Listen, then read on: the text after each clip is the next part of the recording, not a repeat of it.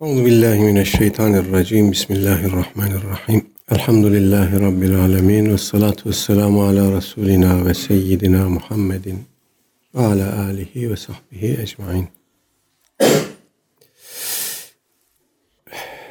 Bugün Cenab-ı Hak nasip ederse İmamiye'nin imamet görüşü üzerinde duracağız. Ee, imamet İmamiye Şiası için imametten kastımız 12 imamın imameti. Ee, İmamiye Şiası için bir akaid meselesidir. Bizde nasıl amentü var, amentünün altı esası var. Onlarda da amentü var, amentünün bir takım esasları var. Onlardan biri de imamet. İmamete inanmayan bir kimse, bu 12 imamın imametine inanmayan bir kimse, e, İmamiye şiasına göre ehli necat, ehli cennet değildir. Bunlar prensip olarak Müslümandır. İmamete inanmayan ve fakat Müslüman olduğunu söyleyen kimseler, bizler yani. Prensip olarak İmamiye nezdinde bizler Müslümanız ama mümin değiliz. Ee, bu onların kendine mahsus bir e, terminolojisidir. Nasıl ki Mutezile büyük günah işleyen kimseyi dinden çıkmış sayıyor ama kafir de saymıyor. Dinden çıkar ama kafir olmaz diyor büyük günah işleyenler. Peki ne olur? El menzile beynel menzileteyn yani imanla küfür arasında bir yerde olur. Peki bunların uhrevi akıbeti nedir? Ebedi cehennemdir. İşte onun gibi mümin Müslüman farkı, iman İslam farkı İmamiye şiasında bu noktada kendisini gösteriyor. Bize Müslüman diyorlar. Zahiren e, İslam izhar ettiğimiz için, İslam'a inkiyat ettiğimiz için zahiren bizi Müslüman sayıyorlar ama İmamete inanmadığımız için biz mümin sayılmıyoruz onlara göre. İman esaslarından birisi onlara göre bizde olmadığı için iman iddiamız geçersiz. Bunu ayrıca delillendirmeye gerek görmüyorum çünkü zaten bilinen bir şey. Onunla ilgili ne diyorlar, hangi e, görüşleri dile getiriyorlar ona gerek yok. Bilinen, malum bir şey.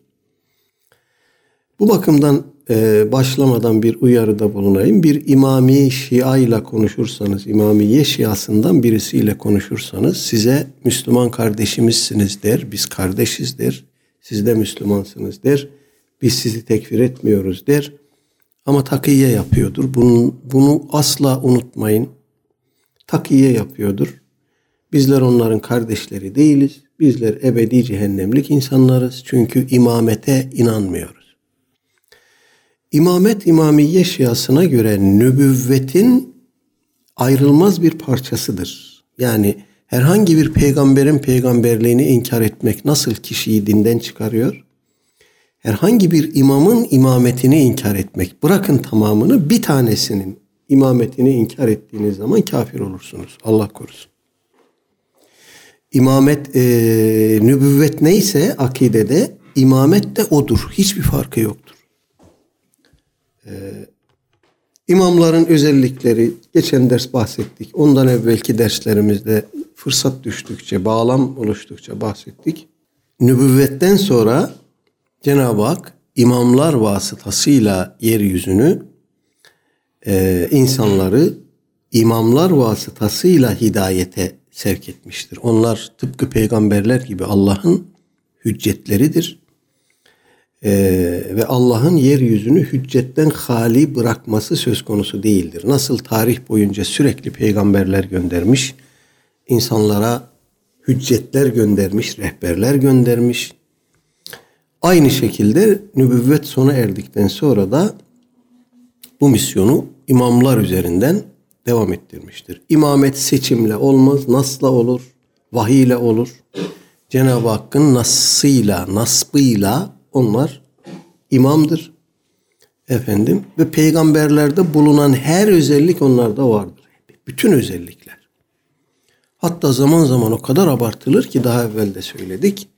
Geçmişi, geleceği, yeryüzünün neresinde ne var tamamını, hayvanların dilini, kuşların lisanını, insanların lügatlerini, mesleklerini, sanatlarını her şeyi bilirler.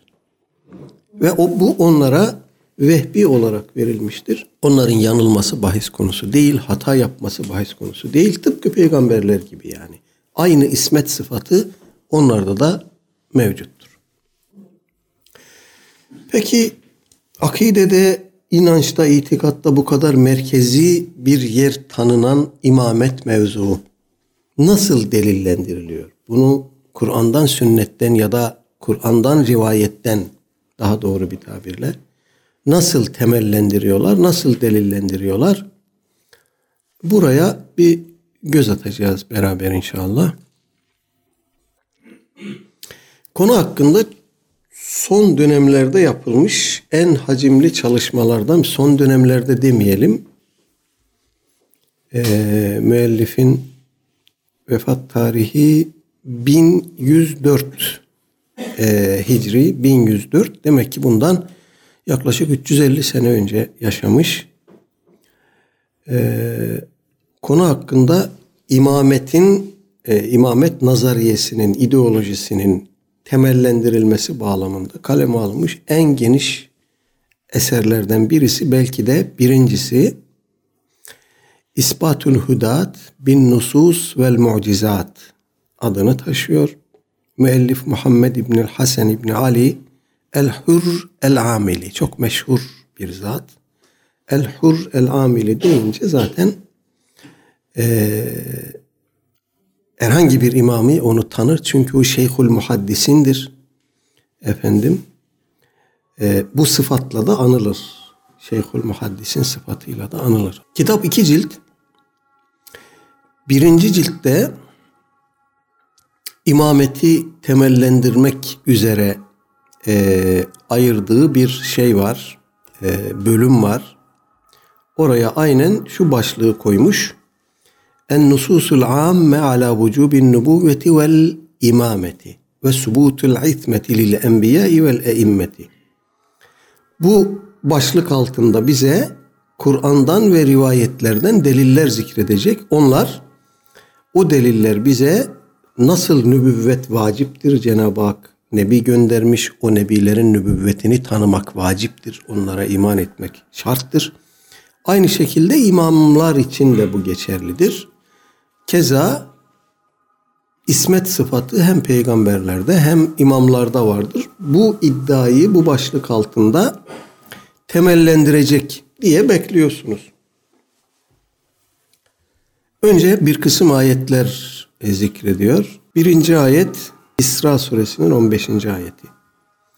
Ama kunna nuazzibina hatta neb'ata rasula. Biz Resul gönderene kadar hiçbir kavme azap edecek değiliz.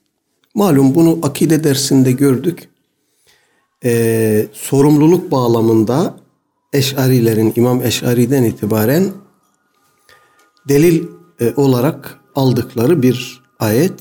Buna göre kendisine bir hak, din, tebliği, daveti, çağrısı ulaşmamış insanlar sorumlu değildir. Bu soru çok sık sorulur bize. İnsanlar Avrupa'da, Amerika'da ya da Çin'de ne bileyim İslam'dan haberdar olmadan doğup büyüyüp bir ortam içerisinde yaşıyorlar ve ölüyorlar. Bu insanlar cehenneme mi gidecek? Evetse bu nasıl bir adalettir diye hala sorulur bize. İmam Eş'ari bu ayeti kerimeyi ve buna benzer birkaç ayeti kerimeyi esas alarak diyor ki hayır bu insanlar sorumlu değildir.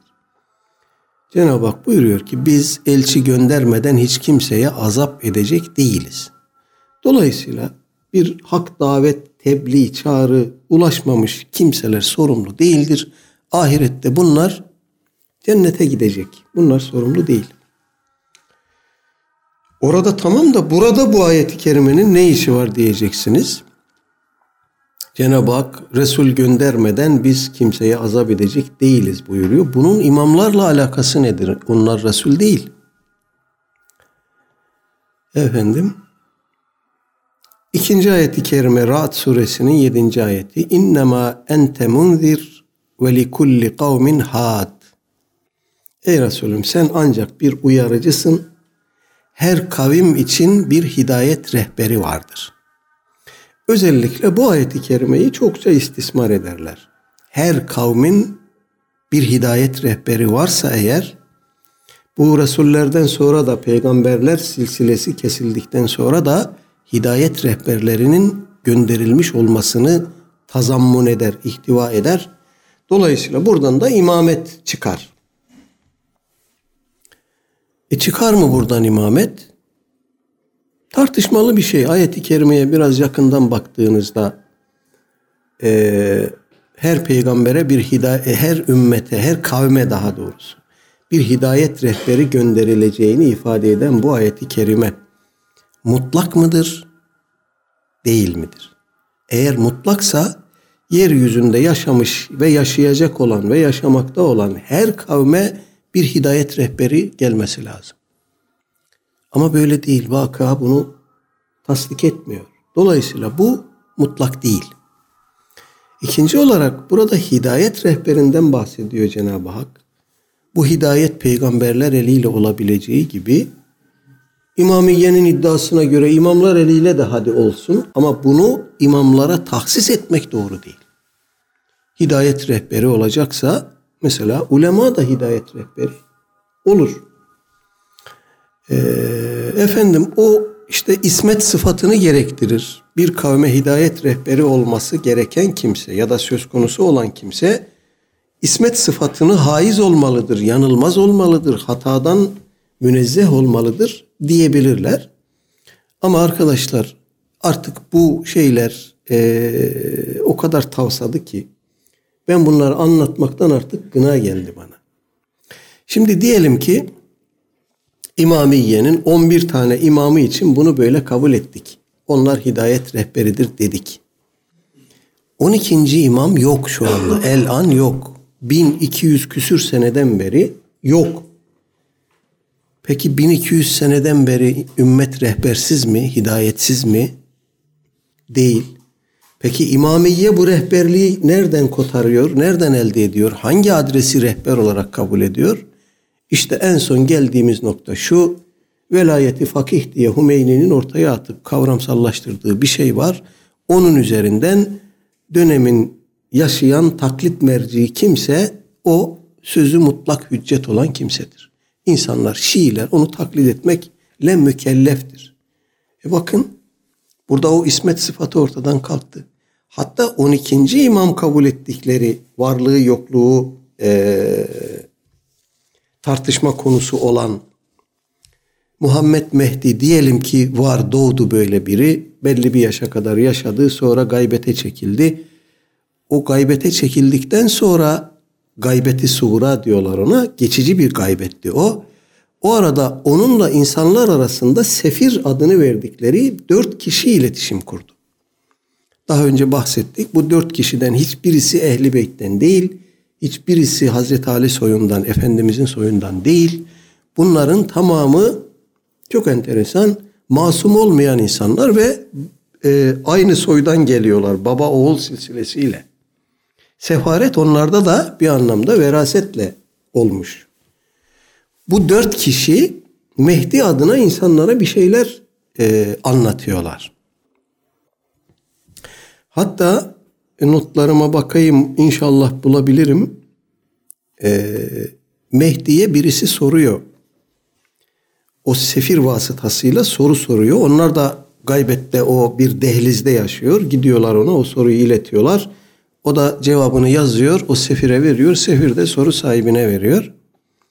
Orada şöyle bir soru sorulmuş. Vakit kaybetmeyelim aramakla. Ee, biz size ulaşamadığımız zaman nasıl amel edelim? Neyle amel edelim? Cevap şu. Bizim rivayetlerimizle amel edenlerin sözlerine bakın.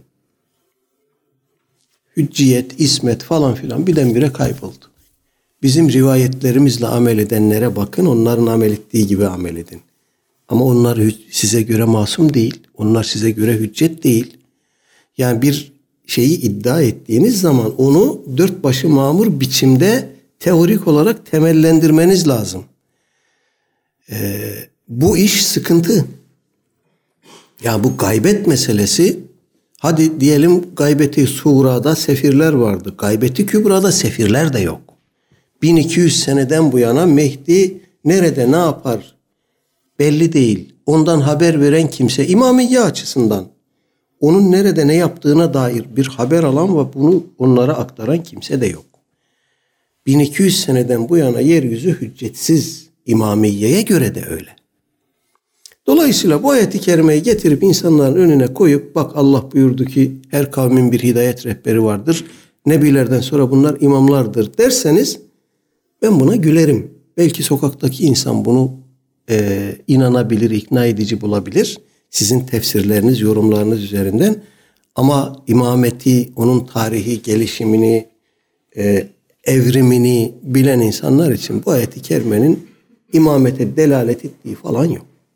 Bu sadece zorlama bir tevil, başka bir şey değil. Biz bu ayet kerimeyi nasıl bu, burada buradan kastedilenler peygamberlerdir. Aleyhisselatü Vesselam Efendimiz'e kadar gelmiş olan peygamberlerdir. Efendimiz'den sonra peygamber gelmeyeceği için onun sünneti ve Kur'an o rehberliği üstlendi, devam ettiriyor. Bu bakımdan e, Cenab-ı Hak kıyamete kadar Kur'an-ı Kerim'i koruyacağını üstlenmiş, garanti etmiş.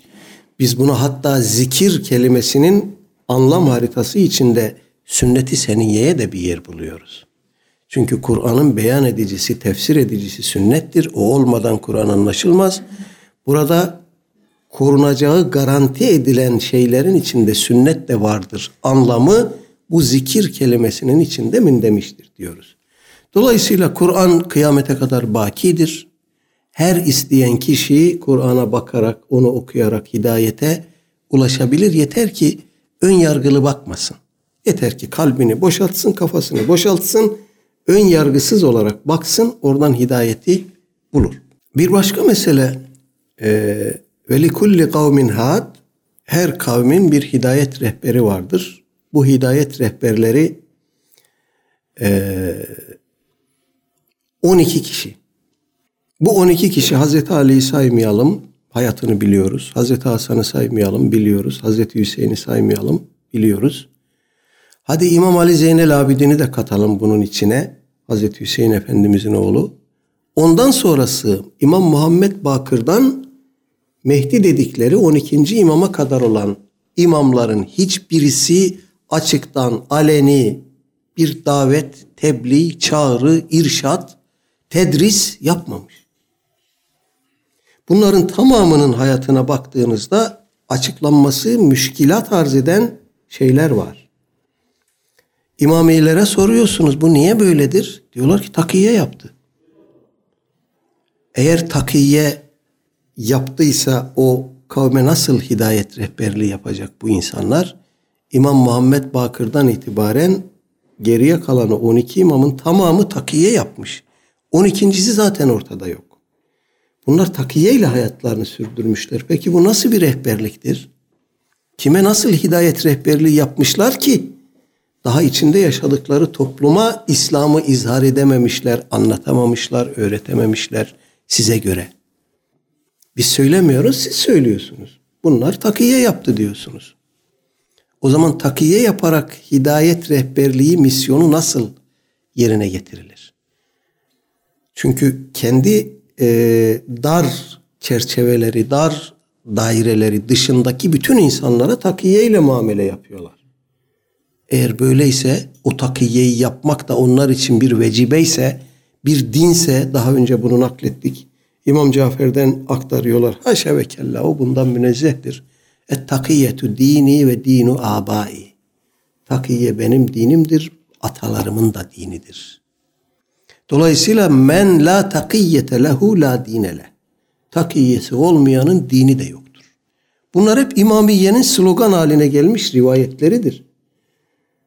Madem ki takiye bu derece merkezi bir yer tutuyor o zaman hidayet rehberliğiyle bunu nasıl bağdaştırıyorsunuz? Nübüvvetle imameti bir tutuyorsunuz. Orada ne varsa burada da o vardır diyorsunuz. Efendimizin takiye yaptığına dair elimizde bir delil var mı? Yok. Haşa ve kella. O her şeyi açıktan tebliğ etti, söyledi, görevini tamamladı. Ee, Hazreti Hüseyin niye takiye yapmadı? Hadi diyelim Hazreti Ali ilk üç halifeye takiye yaptı. Onlara beyat etmiş gibi göründü. Şöyle oldu, böyle oldu. Sonra takiyeyi niye terk etti? Hadi diyelim Hazreti Hasan takiye yaptı. Hazreti Muaviye ile anlaştı. Hilafeti ona devretti filan da Hazreti Hüseyin niye takiye yapmadı? O o e, en kritik fasılda, en kritik süreçte Ehli Beyt'in neredeyse tamamının tehlike altında olduğu süreçte Hazreti Hüseyin niye takiye yapmadı? Kalktı Medine'den Küfe'ye beyat almak üzere gitti ve o Kerbela faciası yaşandı. Niye takiye yapmadı? Takiye dinse Hazreti Hüseyin'in dini mi haşa ve kella yoktu yani dinini mi terk etti?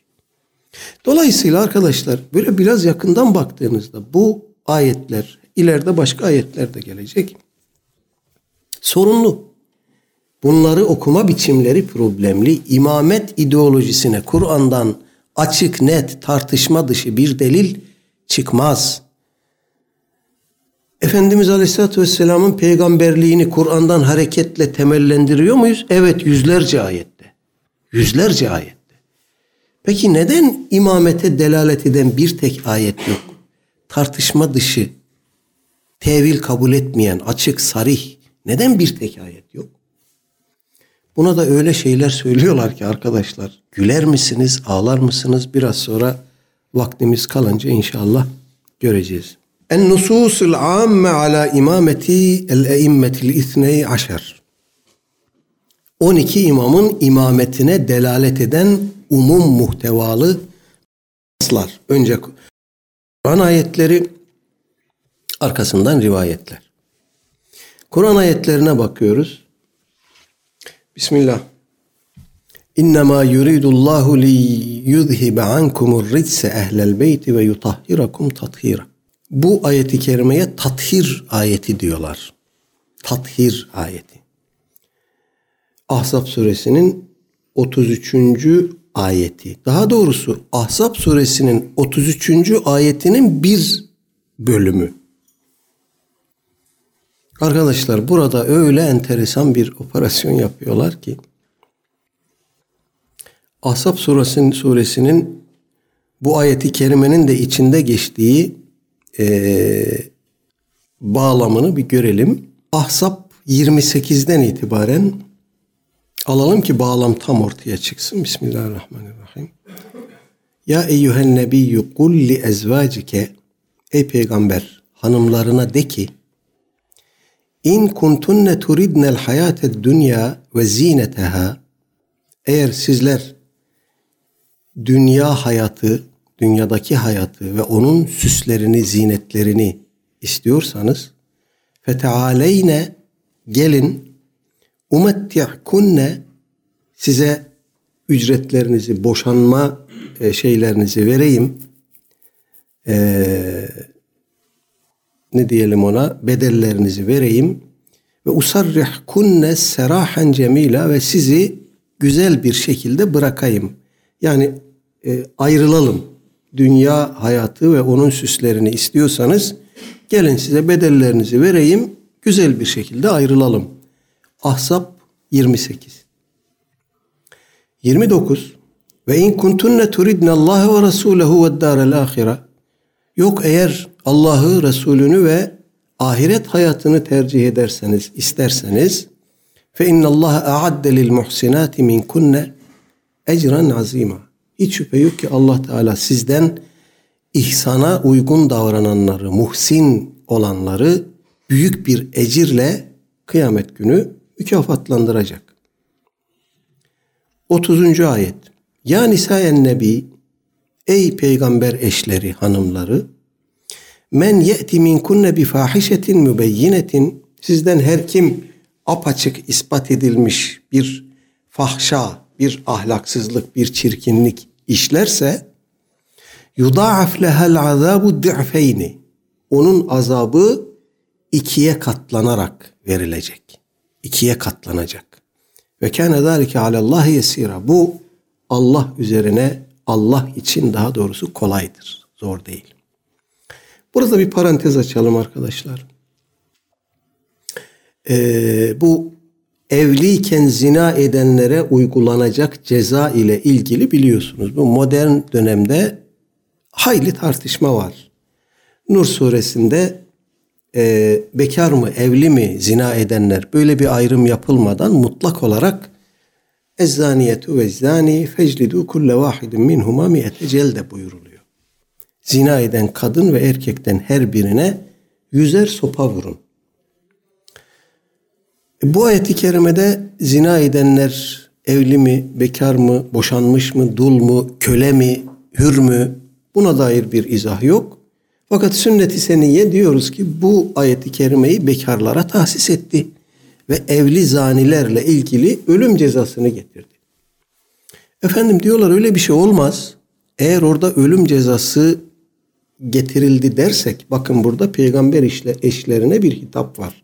Sizden kim açık bir fahşa, açık bir çirkinlik, fuhşiyat işlerse onun azabı ikiye katlanacak.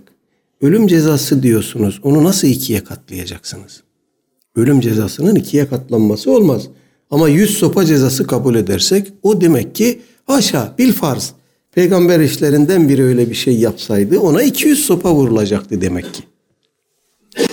E burada da burada da bir e, Ali Cengiz oyunu var. Yani işi kuralına kaidesine uygun e, yapmak lazım. Çünkü eğer bu sonucu çıkartırsanız buradan sonrasını izah edebilmeniz lazım. Nedir o? Cenab-ı Hak buyuruyor ki sizden kim bunu açık bir şekilde işlerse onun azabı iki kat ikiye katlanarak verilecek ve bu Allah'a kolaydır. Şimdi bu ne demek? Yani bir insana 200 sopa cezası vurmak insana da kolaydır. İnsanlar da yapabilir bunu. Buradaki bu vurgunun amacı nedir? Allah'a size iki kat azap etmek Allah'a kolaydır. Bunu nasıl izah edeceğiz? Burada bir problem var. İki, 31. ayette bu defa tam e, karşı e, ihtimal gündeme geliyor. Cenab-ı Hak buyuruyor ki ve men yaknut min kunne lillahi ve rasulihi ve ta'mel salihan Sizden her kim itaatkar olarak Allah'a ve Resulüne itaat eder ve salih amel işlerse bir evvelki ayette fuhşiyat işlerse şöyle olacaktı. Burada salih amel işlerse ne olacak? Nü'tiha ecriha merreteyni. Onun ecrini, sevabını da iki kere vereceğiz. Peki Peygamber aleyhissalatü vesselam Efendimizin hiçbir eşi, annelerimizden hiçbiri bir haşa fuhşiyat işlemedi. Tam tersine bu ayeti kerimenin e, manasında mündemiç olan o salih amellerle yaşadılar. Peki onlara nasıl iki kat ecir verildi? Dünyalık mı verildi? Hayır dünyalık verilmedi. Aleyhisselatü Vesselam Efendimiz gelirdi ona e, ganimetlerden, feyden vesaire gelirler vardı. Onlardan gelirdi onu eşlerine dağıtırdı arkasından haber gönderirdi. Elinizde tutmayın, infak edin, tasadduk edin diye. Onlara iki kat dünyalık gelmedi yani. Bu ayeti nasıl açıklayacağız o zaman? Hadi buyurun. Oradaki iki kat azap dünyalık cezaysa buradaki iki kat mükafatın da dünyalık olması lazım. Ama burada ahirete gönderiyoruz işi. Delil, delil yok. Evet neyse bu para, parantezi kapatmış olalım. 31. ayete geldik. Burada da yine hitap annelerimize dikkat edin. Bağlam hiç değişmedi. Devam ediyor. Nü'tiha ecrha merrateyni onun ecrini kim salih amel işler Allah'a ve Resulüne itaatkar davranırsa onun ecrini iki kere vereceğiz. Ve atadna leha rızkan kerima ve onun içinde son derece bol e, bir rızık e, vereceğiz. 32. ayet Ya nisa en nebi Ey peygamber hanımları Lestunne ki ahadin minen nisai Sizler herhangi bir kişinin karısı gibi değilsiniz. Ya da herhangi bir kadın gibi değilsiniz. İn ittegaytunne fela tahta'ne bil kavli eğer Allah'tan korkarsanız takvalı davranacaksanız fela tahta'ne bil kavli sözü yumuşak mülayemetle söylemeyin. Birisiyle muhatap olduğunuzda, bir erkekle muhatap olduğunuzda veya bir kadınla fark etmez. Yumuşak söz söylemeyin. Yani e, davetkar tavır takınmaktan vurgularınız, tonlamalarınız, beden diliniz bundan kaçının. Feyatma allezi fi kalbihi maradun böyle yaparsanız kalbinde hastalık bulunan birisinin bir arzuya, beklentiye kapılmasına kapı aralamış olursunuz. Sözü yumuşak söylemeyin, ciddiyetle konuşun. Ve kulne kavlen ma'rufa ve güzel söz söyleyin. Maruf söz söyleyin. Yani birisiyle bir sözlü diyaloğa girdiğiniz zaman onu terslemeyin. Hani illa sözü yumuşak söylemeyeceğiz diye de karşınızdakini rencide etmeyin. Güzel söz söyleyin, maruf konuşun ama yumuşak bir edayla da konuşmayın. 33. ayet böyle arkadaşlar. 32. ayet. 33'e geldik. Devam ediyor. Ve karna fi buyutikunne evlerinizde vakarla oturun. Vakarla bulunun. Ve la teberrecne teberrucel cahiliyetil ula. İlk cahiliye adetlerinde olduğu gibi açılıp saçılmayın. Ve akimna salate ve atina zekate namazı ikame edin, zekatı verin. Ve ati'na Allah ve Resulehu Allah'a ve Resulüne de itaat edin. Bakın 33. ayetin bu fıkrasına kadar hitap gene onlara, annelerimize. Bu noktadan sonra hitap ve kip değişiyor. Yuridullahu li yuzhibe ankumur ritse ehlel beyti. Ey ehli beyt Allah sizden ricsi, pisliği gidermek istiyor. Ve yutahhirakum tathira ve sizi e, tertemiz yapmak istiyor, temizlemek istiyor. Şimdi buraya kadar hitap annelerimize, bu ayeti kerimenin başında da hitap gene onlara. Fakat ortasında birdenbire hitap değişiyor, kip e, değişiyor ve e, müennes kipten, dişil kipten eril kipe bir intikal oluyor. Peki bu neyi ifade eder? Burada hitap Peygamber aleyhissalatü vesselam Efendimizin hanımlarına geldi, geldi, geldi, geldi. Burada değişti, erkeklere hitap başladı. Acaba Cenab-ı Hak bu ayeti kerimenin tam ortasında oraya kadar hitap ede geldiği kadınları bıraktı, erkeklere hitaba mı döndü?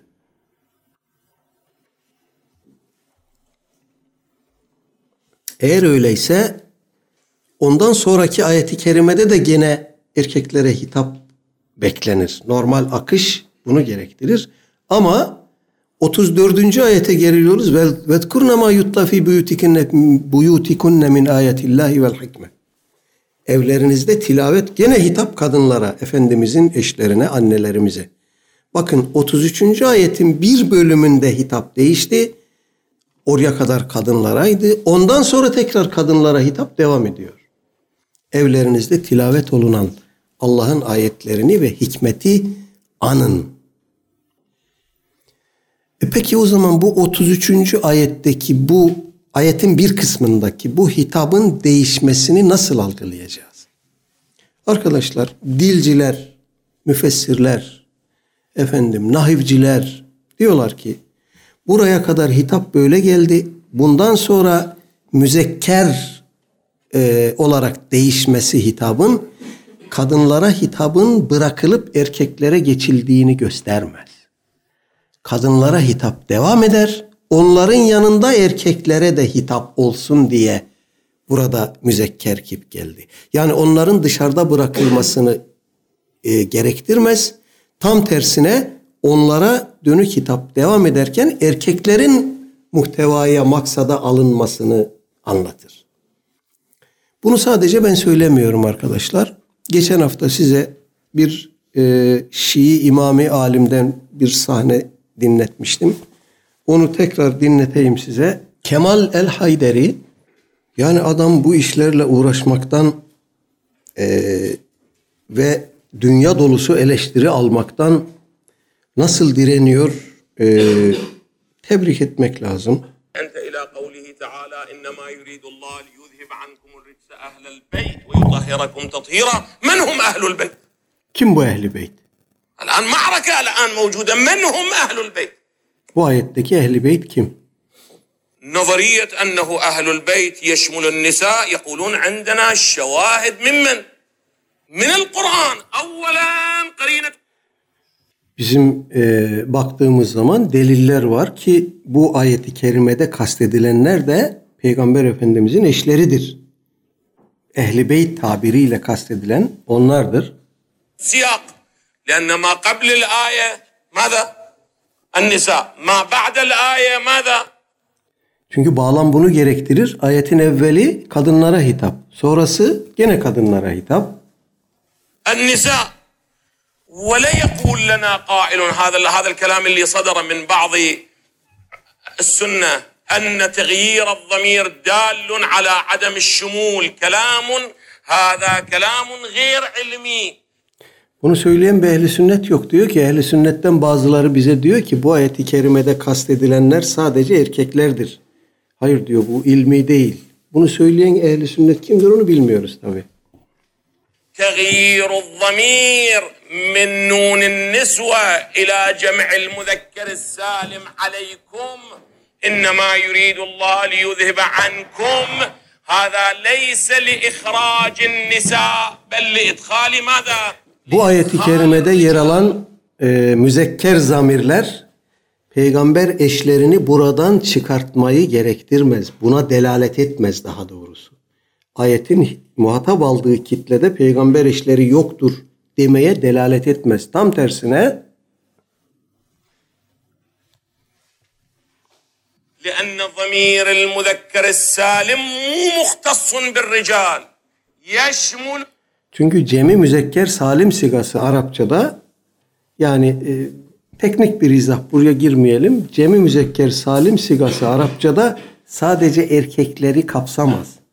Erkeklerin de içinde bulunduğu kadınlar cema. Hatta bir Arap diyelim ki kadınlar topluluğuna hitap ederken, konferans verirken aralarında bir tane erkek olsa o topluma cemi müzekker salim sigasıyla hitap eder. Tamamı erkekmiş gibi. Arap e, selikası bunu gerektirir e, dil kuralları. ماذا؟ الرجال والنساء اقرأوا في اللغة العربية إذا هذا اللي موجود في أوساطنا أنه غير الضمير لأجل إخراج النساء كلام غير صحيح Buradaki zamirin değişmesi, müennes kipten müzekker kipe geçilmesi kadınların bu delaletten çıkarıldığını göstermez. Evet bu minval üzere devam edip gidiyor. Vaktimizi almasın. Dolayısıyla bu zorlama bir şey arkadaşlar. Bu ayeti kerimede bu tathir ayetidir. Bu ayeti kerimede eee, erkeklere hitap var. Kimdir onlar? Tam bu kimdir onlar sorusuna cevap olarak da rivayetler eee, gündeme geliyor. O rivayetlerin içinde bizim kaynaklarımızda da geçen Aba hadisi ya da Kisa hadisi diye bilinen hadis geçiyor ki bu okuduğumuz kaynakta da rivayetler bahsinde onu hemen e, müellif getirip önümüze koyuyor. Nedir o? Bu ayeti kerime indikten sonra Cenab-ı Peygamber aleyhissalatü vesselam Hazreti Ali, Hazreti Fatıma, Hazreti Hasan, Hazreti Hüseyin geldi. Onları genişçe bir aba vardı üzerinde, cübbe vardı. Onlarla sardı. Dedi ki ya Rabbi işte bunlar benim ehli beytimdir. Ee, bunu aktarmıştım daha önce. Hatta Ümmü Seleme validemizin evinde oluyor bu. Ümmü Seleme validemiz bunu görünce diyor ki ya Resulallah ben de ehli beytten miyim? Efendimizin ona verdiği cevap farklı rivayetlerde farklı ifadelerle gelmiş. Bir rivayette sen hayır üzeresin buyurmuş. Bir rivayette sen benim ehlimsin buyurmuş. Bir rivayette sen de ehli beyttensin buyurmuş. Dolayısıyla o dört kişi dışında Hazreti Ali, Hazreti Fatıma, Hazreti Hasan, Hazreti Hüseyin dışında Ümmü Seleme validemizin de ehli beyt olduğuna bazı rivayetler delalet ediyor. Ama biz işin burasında değiliz. İşin şurasındayız. Bizim bu rivayete itirazımız yok. Eğer ehli beyt onlarsa bu rivayet bu ayeti kerimeyi o rivayeti esas alarak sınırlandırmak doğruysa bu dört kişi ehli beyttir. Onlardan sonra gelen imamlar nasıl ehli beyt oluyor? Bu rivayet dört kişiye e, hitap olarak gel. Dört kişinin dört kişi kastedildi bu rivayette. Hazreti Hüseyin Efendimizin evladı ne oldu? O imamlar. Hazreti Hasan Efendimizin evladı ne oldu? Orada ciddi bir işgal var. Dolayısıyla bu rivayeti, bu ayeti kerimeye delil getirip e, delaleti sınırlamak İmamiye Şiasının işine yaramaz. Bu da onlar için ayrı bir problemdir. Açıklanması gereken bir problemdir. Maide suresinin 55. E, ayeti. Bu da çok enteresan bir ayet. Bismillah. İnnemâ veliyyukumullahu ve rasûluhu vellezîne âmenûllezîne yukîmûnes salâte ve yu'tûnez zekâte ve hum râki'ûn. Ey iman edenler sizin veliniz ancak Allah'tır. Onun Resulüdür. Ve o kimselerdir ki iman etmişlerdir. Namazı ikame ederler, zekatı verirler ve rükû ederler. Ee, bazı tefsirlerde buradaki ve rükû ederler ifadesi e, buradaki vav ne ifade eder? Arapça e, gramer kuralları gereği bu bir hal cümlesidir diyor bazı müfessirler. Yani e, sizin dostunuz o kimselerdir ki e, iman etmişlerdir, namazı kılarlar, zekatı rükû halindeyken verirler. Ya da rükû halindeyken zekat verirler. Böyle bir anlam çıkıyor. Yani e, gramatik olarak yanlış mıdır? Değildir. Doğrudur. E, buna da şöyle bir e, nüzul sebebini e, ekliyorlar bu ayeti kerimenin delaletine. Bir gün Hazreti Ali Efendimiz mescitte namaz kılarken bir dilenci girdi içeriye. Allah rızası için bana bir şey verecek yok mu dedi. Kimse de bir şey çıkmadı. Hazreti Ali namaz kılıyordu. Adam onu söyleyince Hazreti Ali rüküye gitti. Ve rüküdayken parmağındaki yüzüğü gösterdi adama. Gel bunu al anlamında yani. Adam da gitti parmağından yüzüğü çekti aldı. İşte bu ayeti kerime bunun üzerine indi. Sebebin nüzulü budur. Ee, bu rivayet bizim kaynaklarımızda da var. Bizim kaynaklarımızda daha değişik versiyonları da var. Ee, bir rivayete göre adam Hazreti Ali'den o yüzüğü aldıktan sonra Efendimiz içeriye girdi. Adamın halini sordu. Dedi ki ben işte e, fakirim, miskinim, bir şeyim yok. Bana Allah rızası için yardım eden yok mu dedim. Peki yardım eden oldu mu dedi. Evet. Kim yardım etti? Şuradaki adam yardım etti dedi. Peki nasıl yardım etti sana? Ne halde yardım etti? Vallahi rükû halindeydi. Elini uzattı. Gittim elinden yüzüğü çektim aldım. Böyle bir e, anlatımla da geliyor.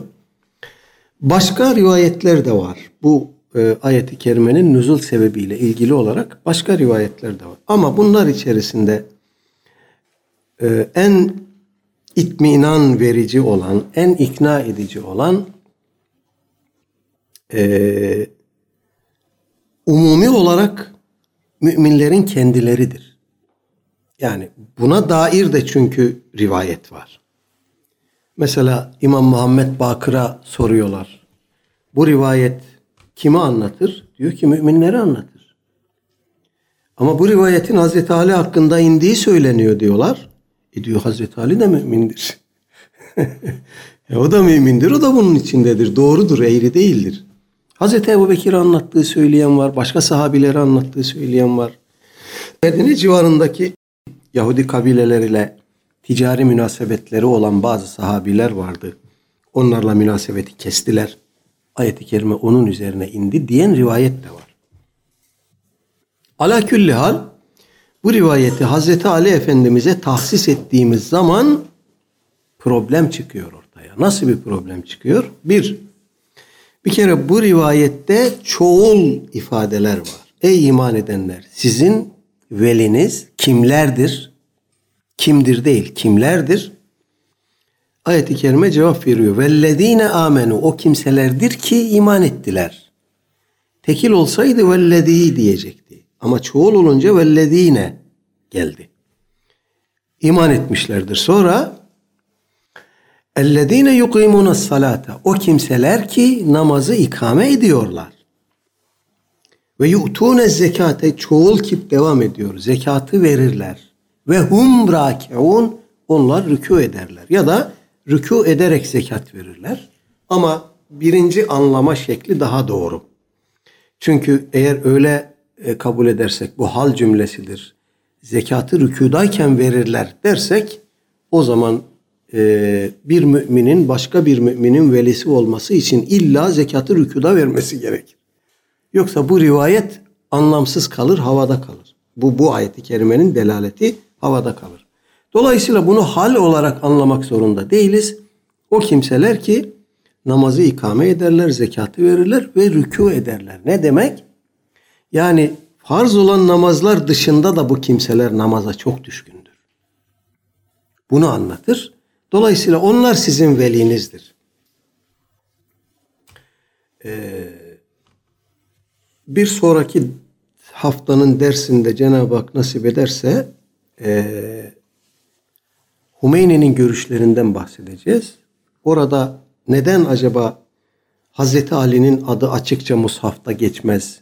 Bu tür e, bağlamlar geldiğinde neden Hazreti Ali'nin adını göremeyiz? Orada bir fecaat var. Yani İmamiye'nin bir kısmı Efendimiz Aleyhisselatü Vesselam'ın takiye yaptığını iddia eder. Fakat bu bağlamda arkadaşlar öyle bir fecaat var ki Allah Teala'nın dahi takiye yaptığını söylüyorlar. Bunu nakledeceğim Allah nasip ederse önümüzdeki derste. Bir diğer ayet-i kerime Eti'ullaha ve eti'ur Rasule ve ulil emri minkum. Allah'a itaat edin, Resul'e itaat edin ve sizden olan ulul emre. Ne demek ulul emir? Biz bunu ilk adımda yöneticilere itaat edin gibi anlıyoruz. Doğru ama eksik. Ulul emir yöneticileri de ihtiva eden bir kavramdır. Toplumun önüne düşüp yön gösteren herkes ulul emirdir. Yani müştehit alimler ulul emirdir. Yerel yöneticiler ulul emirdir. Devlet başkanı ulul emirdir. Kanaat önderleri ulul emirdir. Ümmet kimin arkasına düşüp gidiyorsa o ulul emirdir. Fakat burada tabi bu ulul emir kavramını imamlara tahsis ediyorlar. Dolayısıyla Allah'a itaat edin, Resul'e itaat edin ve imamlara. Bu şekilde e, yorumluyorlar. Fakat burada da ciddi bir problem var. Onu hemen arz edeyim size. Ayet-i kerimenin devamı var. Bismillah. Ya eyyühellezine amenu eti'ullaha ve eti'ur rasule ve ulul emri minkum. Burayı gördük. Fe in tenazatum fi şeyin herhangi bir konuda ihtilafa düşerseniz ferudduhu ilallahi ve rasuli in kuntum mu'minin. Herhangi bir konuda ihtilafa düşerseniz onu Allah'a ve Resulüne götürün. Eğer iman etmiş kimselerseniz. Şimdi tam da bu arada bir ulul emir bekliyor insan değil mi? Yani ayetin başında itaat mercilerinden biri olarak zikredildi ulul emir. Ama herhangi bir şeyde ihtilafa düştüğümüzde ulul emre gidin demiyor Cenab-ı Hak. Öyle buyurmuyor ya. Allah'a ve Resulüne döndürün. Onu o ihtilaf ettiğiniz işi Allah'a ve Resulüne döndürün. Dolayısıyla imamların toplum üzerinde, ümmet üzerinde bağlayıcı bir e, misyonu olsaydı gerçekten Cenab-ı Hak burada tekrar o ulul emir fıkrasını da zikrederdi. Bunu bekliyoruz. Ama bizim aramızdaki ihtilafları çözüme bağlayacak olan otorite Allah Teala'dır ve ondan aldığı yetkiyle Resul Aleyhisselatü Vesselam'dır. Ayet-i Kerime İmamiye'nin lehine değil aleyhine delil yani. İttekullâhe ve kûnû ma'as sadikin. Allah'tan korkun ve sadıklarla beraber olun. Tasavvuf ehlinin tefsirlerini açıyorsunuz. Bunlar Allah dostlarıdır diyorlar. Onlarla beraber olun. Evliyaullah'la beraber olun. Salih kimselerle beraber olun. Başka tefsirleri açarsınız başka türlü yorumlanır. Sadıklar kavramını bir kitleye mutlak anlamda tahsis et, etmenin Kur'an'dan sünnetten bir delili yok. Sıdk özelliği, sıfatı kimde varsa onlarla beraber olmamız emrediliyor Cenab-ı Hak tarafından. Bunlar alimler olur, veliler olur, doğru söyleyen, doğruluğu ilke edinmiş herkes olur. Dolayısıyla bu ayeti kerimenin imamlara tahsisi tutarlı değil. Şer'a Allahu lekum mined dini Allah dinden size şunu şeriat kıldı. Nedir o? Ma vassa bihi Nuhan. Nuh'a tavsiye ettiği şeyi size de şeriat kıldı.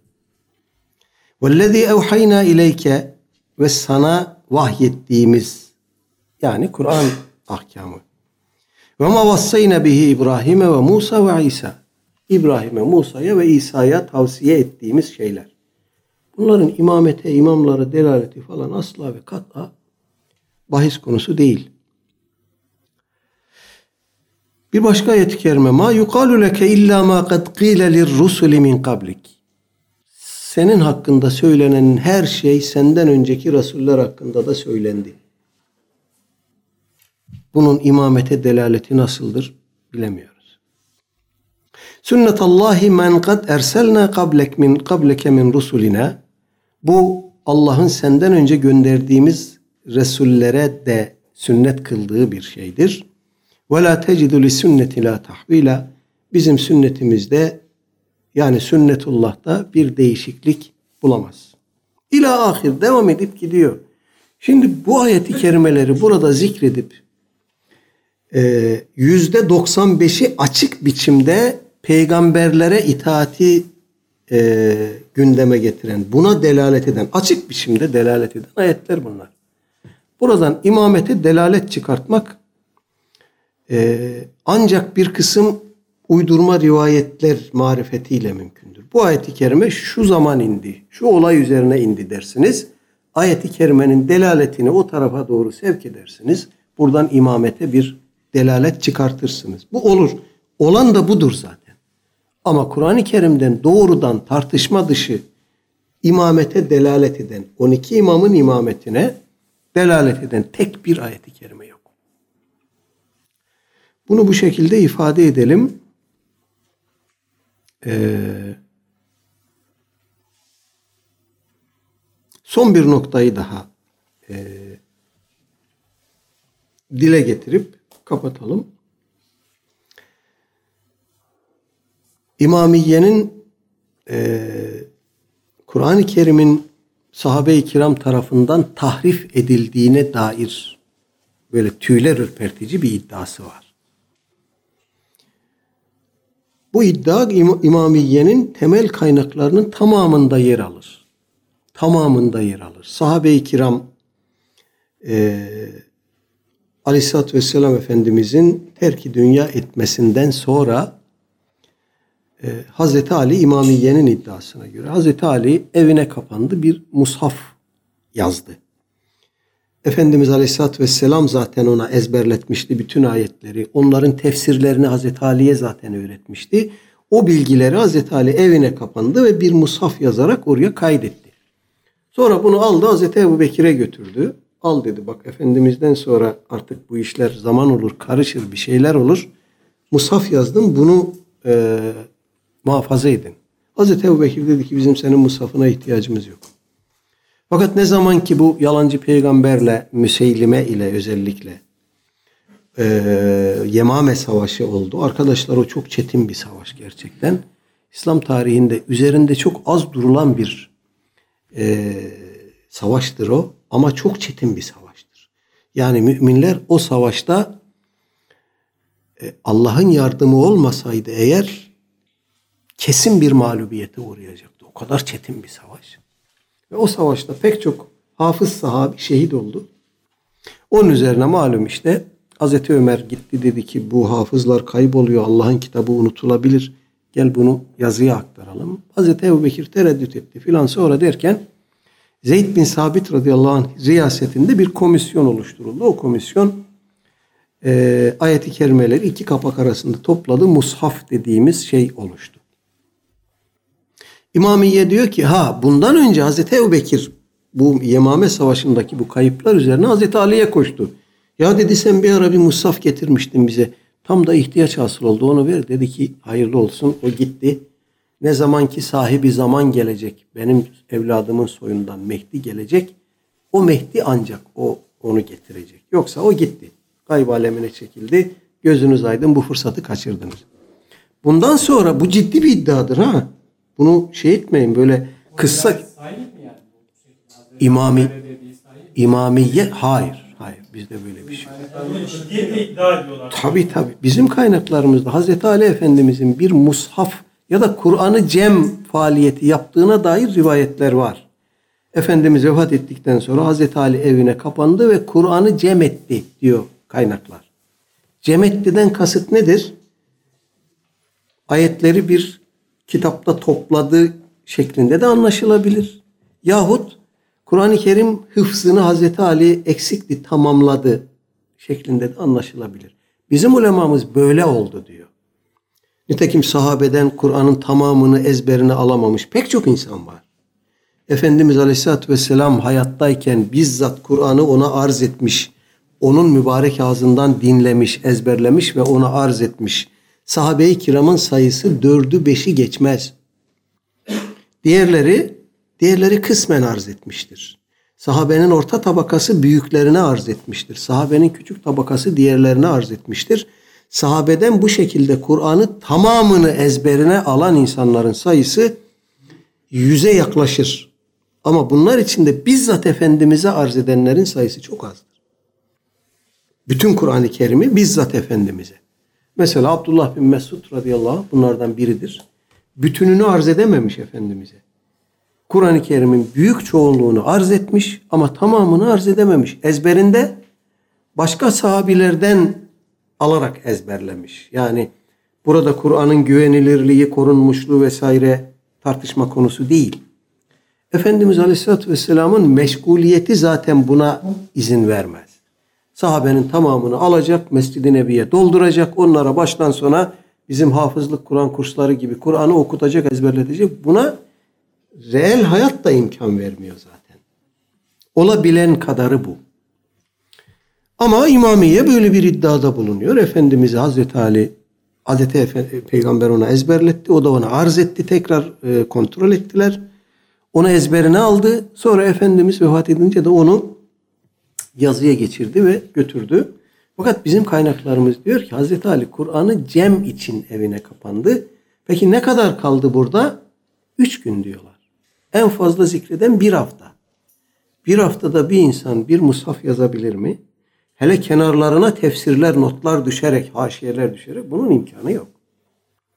Dolayısıyla bizim kaynaklarımızdaki bu rivayet İmamiye'ye delil olmaz. Onların iddiası bambaşka bir şey. Peki bu elimizdeki Kur'an buna güvenelim mi? İmamiye'nin eee, en insaflıları öyle diyelim. En insaflıları diyorlar ki sahabe-i kiram Kur'an'a ilavelerde bulunmuştur şeklinde imami kaynaklarda iddialar var. Bunlar doğru değil diyorlar. Peki eksiltme yapmış mıdır? Evet, eksiltme yaptığını söylemek yanlış olmaz diyorlar. Ama ilave yaptığı iddiası ispat edilemez. İddia var, kaynaklarda ileri sürülüyor. Bir kısım imamiler buna inanıyor. Ama en insaflıları diyor ki hayır Kur'an'a ziyade olmamıştır. Eksiltme, eksiltme olmuştur peki nasıl e, temellendiriyorlar bunu? Sure uydurarak, ayet uydurarak. Arkadaşlar böyle ayet uydurmuşlar, sure uydurmuşlar. Size daha önce bahsetmiştim. Elimizde mevcut eee kitabın adı da enteresan. Faslul Hitab fi itbati tahrifi kitabi Rabbil Erbab. Hümeyni'nin çok hürmet ettiği efendim sitayişle ve hürmetle kendisinden bahsettiği Et-Takiyyun Nuri Et-Tabersi diye yani muasır sayılabilir bir imami alim var. Bu adam bu kitabın müellifi. Faslul Hitab fi itbati tahrifi kitabi Rabbil Erbab. Rablerin Rabbi olan Allah'ın kitabının tahrif edildiğini ispat anlamında son söz. Kitabın adının tercümesi bu. Rablerin Rabbi olan Allah'ın kitabının tahrif edildiğini ispat anlamında son söz. Açıyorsunuz kitabı. Arkadaşlar sureler var orada. Suretül Velaye diye bir sure var. Surenin metni bende mevcut. Kitabın kendisi de mevcut. Arkadaşlar enteresan. Sure uydurmuşlar. Efendim.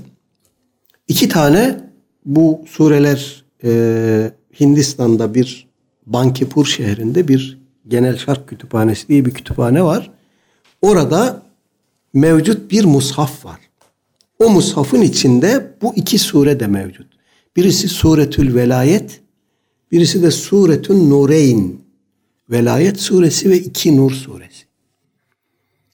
Bunların metinleri elimizde mevcut. Ee, bunu iddia eden bir e, ekol, bir mezhep, bir Müslüman mezhep nasıl olur da bunu yapar diyorsunuz? Başına döndüğünüzde meselenin bir kere sahabeyi Müslüman kabul etmiyorlar.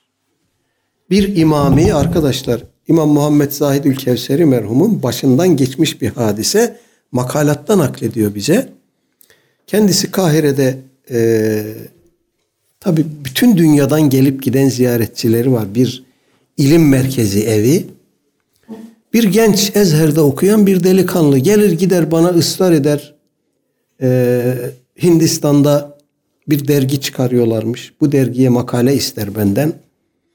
Ben de deniz aşırı ülkelere makale göndermiyorum der. Delikanlıyı gönderirim.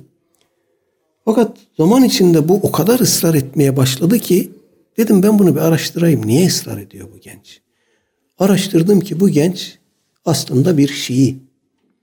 Ezher'e kayıt yaptırırken Maliki mezhebindenim ben Sünniyim diye kayıt yaptırmış. O şekilde biliniyor ama kendisi bir Şii. Böyle şeyler yapıyorlar mı? Arkadaşlar yapıyorlar. Dolayısıyla kendilerini gizlemeleri takiye e, ilkesi gereği şaşılacak bir şey değil. Ama önümüzdeki ders inşallah onun da size delillerini sunacağım. Hümeyni'nin görüşleri bağlamında. Kur'an'ın tahrif edildiğine inanıyorlar. Sahabeyi tekfir ediyorlar. Bunlar peygambere ihanet etti haşa ve kella. Allah'ın kitabını tahrif etti. Bir takım ayetlerin kelimelerini değiştirdiler. Hatta bir takım ayetleri Kur'an'dan çıkarttılar. En insaflısı bunu söylüyor. İlave olmuştur diyemeyiz diyorlar ama eksiltme olmuş mudur? Olmuştur diyorlar. Dolayısıyla bu ideolojiyi arkadaşlar çok iyi tanımak zorundayız. Bir de bu İran devrimi bağlamında mesele biraz daha tabi gündemimize gelir oldu. Orada işte İslam birliği, İslam kardeşliği, anti emperyalizm, anti İsrail, anti Amerikancı bir duruş filan buralardan hareketle propagandalarını yürütüyorlar. Bunlar ne kadar anti İsrail'dir, ne kadar anti Amerikancıdır onu da artık e, net biçimde görebiliyoruz. Bunların İsrail ile Amerika ile bir derdi yok. İran'da Kasım Süleymani'nin kurduğu Kudüs gücü diye bir ordu vardı. Bir ordu. Adı Kudüs gücü. Kudüs'e hiç gitmemiş. Ne yapıyor? Suriye'de Sünni öldürüyor. Irak'ta Sünni öldürüyor. Efendim işi gücü icraatı bu. Devrim ihracı ve soykırım, katliam. İşi bu. Kudüs gücü. Dolayısıyla iyi tanımak lazım arkadaşlar. Söyleme aldanmamak lazım. Keşke böyle olmasaydı. Keşke doğru, düzgün, inanılır, güvenilir insanlar olsalardı. Ümmeti Şiileştirmek gibi bir dertleri, bir e, hedefleri olmasaydı. Keşke tarihten sarkıp gelen o kini, öfkeyi, gayzı, nefreti, laneti yaşatmasalardı. O öyle bir kültür haline geldi ki arkadaşlar. Burada okumuştum e, akide derslerinde tekrar edeyim. Öyle alimleri var ki bunların e, lanet orada bir kültür. Kime lanet? Ehli beyt düşmanlarına. Yani bize. Kafirlere değil. Ehli beyt düşmanlarına lanet. Bu lanet okumanın da eftal olduğu mekanlar ve zamanlar var. En eftal, en e, baba lanet nerede okunur, ne zaman okunur? Gidersiniz tuvalete, Çok affedersiniz. Oturursunuz. ihtiyacınızı giderirken orada birinci halife, ikinci halife, üçüncü halife falanın filanın adlarını zikreder. Onlara orada lanet okursunuz. En eftal lanet budur. Arkadaşlar buradan kardeşlik çıkar mı? Çıkmaz. Hani e, bizim kaynaklarımızda onlara atfen okuduğumuz bir şey olsa diyecekler ki iftira. Ama kendi kaynaklarında okuyoruz bunları. Artık bu internetin faydalarından biri bu oldu. Gizleyemiyorlar. Çoğu zaman hatta artık gizleme ihtiyacı da duymuyorlar. Bunu da söyleyeyim. Yani bunların şehitleri var. Ee, ne zaman ehli sünnet içerisinde deşifre olmuşlar, ortaya çıkmışlar. Bölücülükleri, ehli sünneti efendim küfürle itham etmeleri filan filan ortaya çıkınca yargılanmış, öldürülmüşler. Böyle insanlar var. Bunlardan biri de üçüncü şehit diye anılıyor. Şehidi Salis diye anılıyor. Adamın Safeviler Devleti döneminde yazdığı kitaplar elimizde. internette mevcut. Adam diyor ki artık bu devleti ebed müddet kurulduktan sonra Safevilerden bahsediyor. Bu ebed müddet devlet kurulduktan sonra artık takiyeye ihtiyaç falan yok. Her şey ayan beyan. Ve arkadaşlar öyle şeyler söylüyor ki ağzınıza almaya haya edersiniz. İnternetin bir güzelliği bu oldu. Artık gizleyemiyorlar yani. Ve çoğu yerde de ihtiyaç duymuyorlar. Cahil cühela insanlara karşı takiye yaparlar. O göz boyamak için bir metottur. İş görüyor maalesef hala. Ama pek çok yerde artık takiye falan da yok. Güçleri var, devletleri var, orduları var, silahları var. Her şeyleri var. Dolayısıyla çoğu yerde artık ihtiyaç da duymuyorlar.